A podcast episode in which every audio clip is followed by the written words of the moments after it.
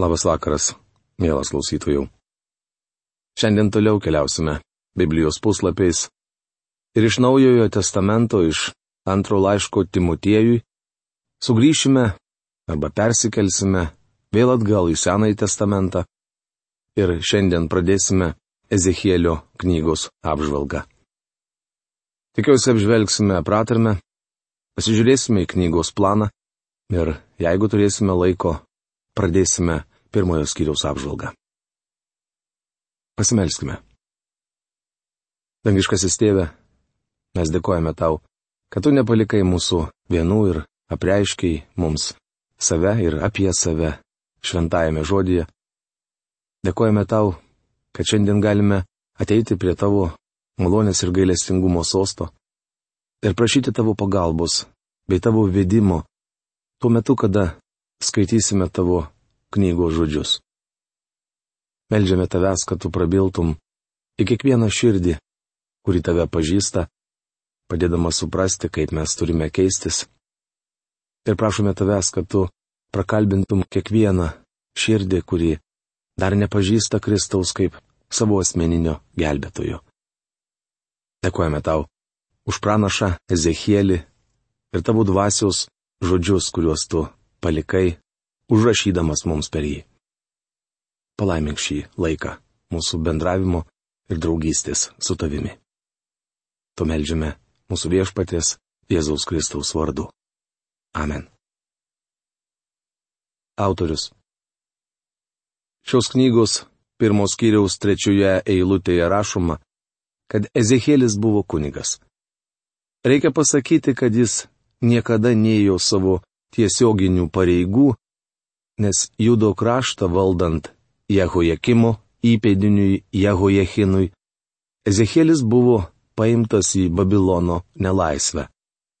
Plačiau apie tai rašoma karalių antros knygos 24 skyriuje nuo 10 iki 16 eilutės. Per 11 metų trukusį Jehojakimo karaliavimo laikotarpį įvyko pirmoji tremtis. Jos metu į Babiloną buvo ištramtas Danielius. Kaip jau minėjau, po karaliaus Jehojakimo mirties į sostą atsisėdo Jehojakinas. Jis juda valdė vos tris mėnesius. 597 metais prieš Kristų karaliaus Jehojakino valdymo dienomis įvyko antroji tremtis, kurios metu į Babiloną buvo ištremtas Ezekielis. Svarbu paminėti, kad pranašas Ezekielis buvo Jeremijo ir Danieliaus amžininkas. Kai Ezekielis pradėjo savo tarnavimą, pranašas Jeremijas buvo jau senelis. Kaip prisimenate, Jeremijas savo tarnavimą pradėjo karaliaus Jošijo dienomis, būdamas dar visai jaunas. Kai vyko pirmoji trimtis, Jeremijas pasiliko savo krašte su judo likučiu, kuris vėliau pranašą išsivedė į Egiptą. Taigi tuo metu, kai Dievas kalbėjo per Ezechielį, Jeremijas tarnavo tik Egipte gyvenančiam judo likučiui. Pranašas Danielius kartu su kitais savo tautiečiais pateko į Babilono nelaisvę, buvo pristatytas karaliui ir tapo Babilono ministru pirmininku. Tuo tarpu Ezekielis buvo su belaisviais ištremtais prie Babilono upių. Tremtiniai buvo įkurdinti prie didžiojo kanalo, ėjusio nuo Eufrato upės, už kelių kilometrų nuo Babilono miesto. Jiems ir tarnavo Ezekielis. 137 psalmis pirmoje antroje eilutėse užrašyta į Babiloną ištremtų judėjų rauda. Prie Babilono upių mes sėdėjome verkdami, Siono kalną atsiminę. Ant to krašto tuopų pakabinome savo arfas. Tuo tarpu Ezekėlis šios knygos pirmos skyriaus pirmoje eilutėje rašo. Atsivėrė dangus ir aš mačiau regėjimus iš Dievo. Koks kontrastas. Kai tautos dalis, sukabinusi savo arfas ant tuopų, sėdėjo prie Babilono upių ir raudojo, Ezekielis matė regėjimus iš Dievo. Žinia. Tiek Jeremijas, tiek Ezekielis, tiek Danielius buvo pranašai, tačiau kiekvienas iš jų skirtingai ir savitai tarnavo tam tikroms žmonių grupėms ir tikriausiai niekada nebuvo susitikę. Skaitant Danieliaus knygą, netrodo, kad jis kada nors būtų lankęsis Babilone, kur kartu su savo tauta dienas leido Ezekielis. Visgi Danieliui labai rūpėjo jo tauta ir jis ją gynė. Tikriausiai jums kyla klausimas, ar Danielius ir Jeremijas vienas kitą pažinojo. Iš Danieliaus knygos aišku, jog šis pranašas buvo susipažinęs su Jeremijo pranašystėmis. Gali būti, kad būdamas paauglys, Danielius Jeruzalėje girdėjo Jeremiją pranašaujant. Ezekėlis taip pat kaip ir Danielius buvo ištremtas jaunystėje ir tikriausiai taip pat buvo girdėjęs Jeremijo pranašystės, tačiau Danieliaus asmeniškai nepažinojo. Reikia pasakyti, kad Ezekėlio žinia dvasiškiausia, nes jis kalba apie Dievo asmenį. Kažkas yra pasakęs. Ezekėlis dvasios. Izaijas sunaus, o Jeremijas tėvo pranašas. Pirmaisiais tremties metais netikri pranašai vis dar kalbėjo, kad tautas sugrįž į Jeruzalę ir šis miestas nebus sunaikintas. Jeruzalė nebuvo sunaikinta net antrosios tremties metu. Tačiau 586 metais prieš Kristų Nebukadnecaras atžygiavo prieš Jeruzalę trečią kartą, sudegino ją ir sulygino su žeme. Taigi maždaug dešimt metų netikri pranašai tvirtino, jog jie grįšia į savo į miestą ir jis nebus sunaikintas. Jeremijas buvo pasiuntęs į Babiloną žinę, jog Jeruzalė grius ir Ezekielis tai patvirtino. Pranašas įspėjo žmonės, kad jie privalo atsigręžti į Dievą, nes tik tuo met galės sugrįžti į Jeruzalę. Vėliau visai mažas likutis atsigrėžė į Dievą ir, nors labai prislėgtas, vis dėlto sugrįžo į Jeruzalę. Metodas. Ezekėlis savo tarnavimą pradėjo praėjus penkeriems metams nuo to laiko, kai buvo paimtas į nelaisvę. Tada jam buvo maždaug 30 metų. Daugeliu atžvilgių tai buvo juodžiausios jo tautos dienos. Ezekėlį gaubė tamsa, kitaip tariant, jam reikėjo atremti nuodėmis ir negandų sukeltą tautos apatiškumą bei netikrą viltį, kurią skelbi netikri pranašai. Žmonės neklausė jo žinios, todėl pranašas griebėsi kito metodo. Užuot kalbėjęs palyginimais, kaip darė viešpats Jėzus, Ezekėlis juos vaidindavo. Jis iš tikrųjų atliko keletą labai įdomių triukų. Ezekelio knygos 24 skyriaus 24 eilutėje skaitome. Taip, Ezekėlis bus jums ženklas. Visa, ką jis darė, ir jūs darysite. Kai tai įvyks, žinosite, kad aš esu viešpats Dievas. Tauta neklausė pranašo žodžių, tad jis juos vaidindavo ir taip patraukdavo aplinkinių dėmesį. Kai kas tą patį metodą naudoja ir šiandien. Vieni nešioja plakatus, kiti badauja, treti rengia eitines. Akivaizdu, kad žmonės tai daro norėdami atkreipti į save dėmesį arba išgarsėti. Panašų metodą naudojo ir Ezekielis. Sykį jis užsirakino namie ir ėmė kasti požeminį tunelį. Kasė, kasė, kol išlindo pačiame gatvės vidury. Šiandien kasinėjimai vidury gatvės nieko nestebina, nes kelių tarnyba nuolat tai daro. Tačiau Ezekėlio amžininkai, išvykę vidury gatvės įsiraususį žmogų, apspito jį ir klausinėjo. Kas čia per triukas? Tuomet Ezekėlis paskelbė jiems žinę.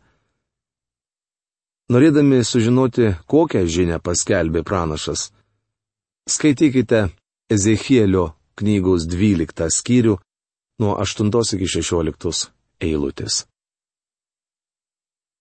prasme. Kaip jau minėjau, Ezekėlis yra viešpaties šlovės pranašas. Tremtyje pranašavo trys Izraelio pranašai. Tai Ezekėlis, Danielius ir Jonas. Parašęs apreiškimo knygą Patmo saloje. Visi šie trys vyrai rašė apie vadinamąją apokalipsę. Jų kalba buvo labai simboliška Tačiau visi jie regėjo ryškiausią šviesą ir puoselėjo didžiausią viltį. Ezekėlis regėjo viešpaties šlovę, paliekančią Saliamono šventyklą, bet taip pat matė būsimą į jos sugrįžimą tūkstantmetės karalystės dienomis. Ezekėlio knygos prasme atskleidžia būsimasis šlovės sugrįžimas. Pranašas žvelgia į Kristaus kentėjimus pakeisiančią šlovę. Kaip pirmo savo laiško, pirmo skyriaus vienuoliktoje eilutėje rašo apaštulas Petras, pranašai regėjo kentėjimus ir juos lydinčią šlovę. Manau, kad Ezechelis tą šlovę matė geriau už visus kitus pranašus. Galbūt kai kam iš jūsų pasirodys nuobodoka, bet žinau, kad daugelis mūsų laidų klausytojų mielai konspektuoja, pasižymi. Todėl noriu Jums perskaityti ir šitos knygos planą. Pirma romėniškai. Viešpaties šlovė, pranašo pašaukimas. Pirmas septintas skyriai. A. Šlovės apsireiškimas. Pirmas skyrius. B. Pranašo pašaukimas ir įgalinimas tarnauti. Antras skyrius. C. Pranašo paruošimas. Sargybinio pareigos. Trečias skyrius. D. Jeruzalės teismas. Ketvirtas skyrius. E. Ženklas. Pranašas nusiskuta plaukus. Penktas skyrius. F. Kalavijas prieš Jeruzalę. Būsimasis likučio išgelbėjimas. Šeštas skyrius. G. Pranašystė apie galutinį Jeruzalės sunaikinimą. Septintas skyrius. Antra romėniškai. Viešpatie šlovė visiškas Jeruzalės ir Izraelio užėmimas ir šlovės pasitraukimas. 8.24 skyriai. A. Dievo šlovės regėjimas, stabmeldystė šventykloje, tai yra jos sunaikinimo priežastis. Aštuntas skyrius. B. Viešpaties šlovė rengėsi palikti šventyklą. Devintas skyrius. C. Viešpaties šlovė pripildo šventąją vietą. Viešpaties šlovė palieka šventyklą. Dešimtas skyrius. D. Pranašystė prieš Jeruzalės valdytojus. Vienuoliktas skyrius. E. Ezekielis vaizduoja Jeruzalės sunaikinimą. 12 skyrius. F. Pranašystė prieš netikrus pranašus ir pranašės. 13 skyrius. G. Pranašystė prieš seniūnų stabmeldystę. Jeruzalė tikrai bus sunaikinta. 14 skyrius. H. Palyginimas apie vynmedį. 15 skyrius. Į. Jeruzalė lyginamas su pamestu kūdikiu, kurį įvaikino Dievas. 16 skyrius. J. Mislė apie du erelius. 17 skyrius. K. Atpildas už nuodėmę - mirtis. 18 skyrius. L. Jahvi rauda Izraelio didžiūnų. 19 skyrius. M. Tautos nuodėmis busimasis teismas ir Izraelio atkūrimas. 20 skyrius. N. Babilono valdovas pašalins paskutinį karalių iš Davido sosto ir jis iki mesijo ateimo liks tuščias. 21 skyrius. O. Jeruzalės nusikaltimai. 22 skyrius. P. Dvi seserys Samarija ir Jeruzalė. 23 skyrius. R. Verdantis katilas. 24 skyrius. Trečia romėniškai.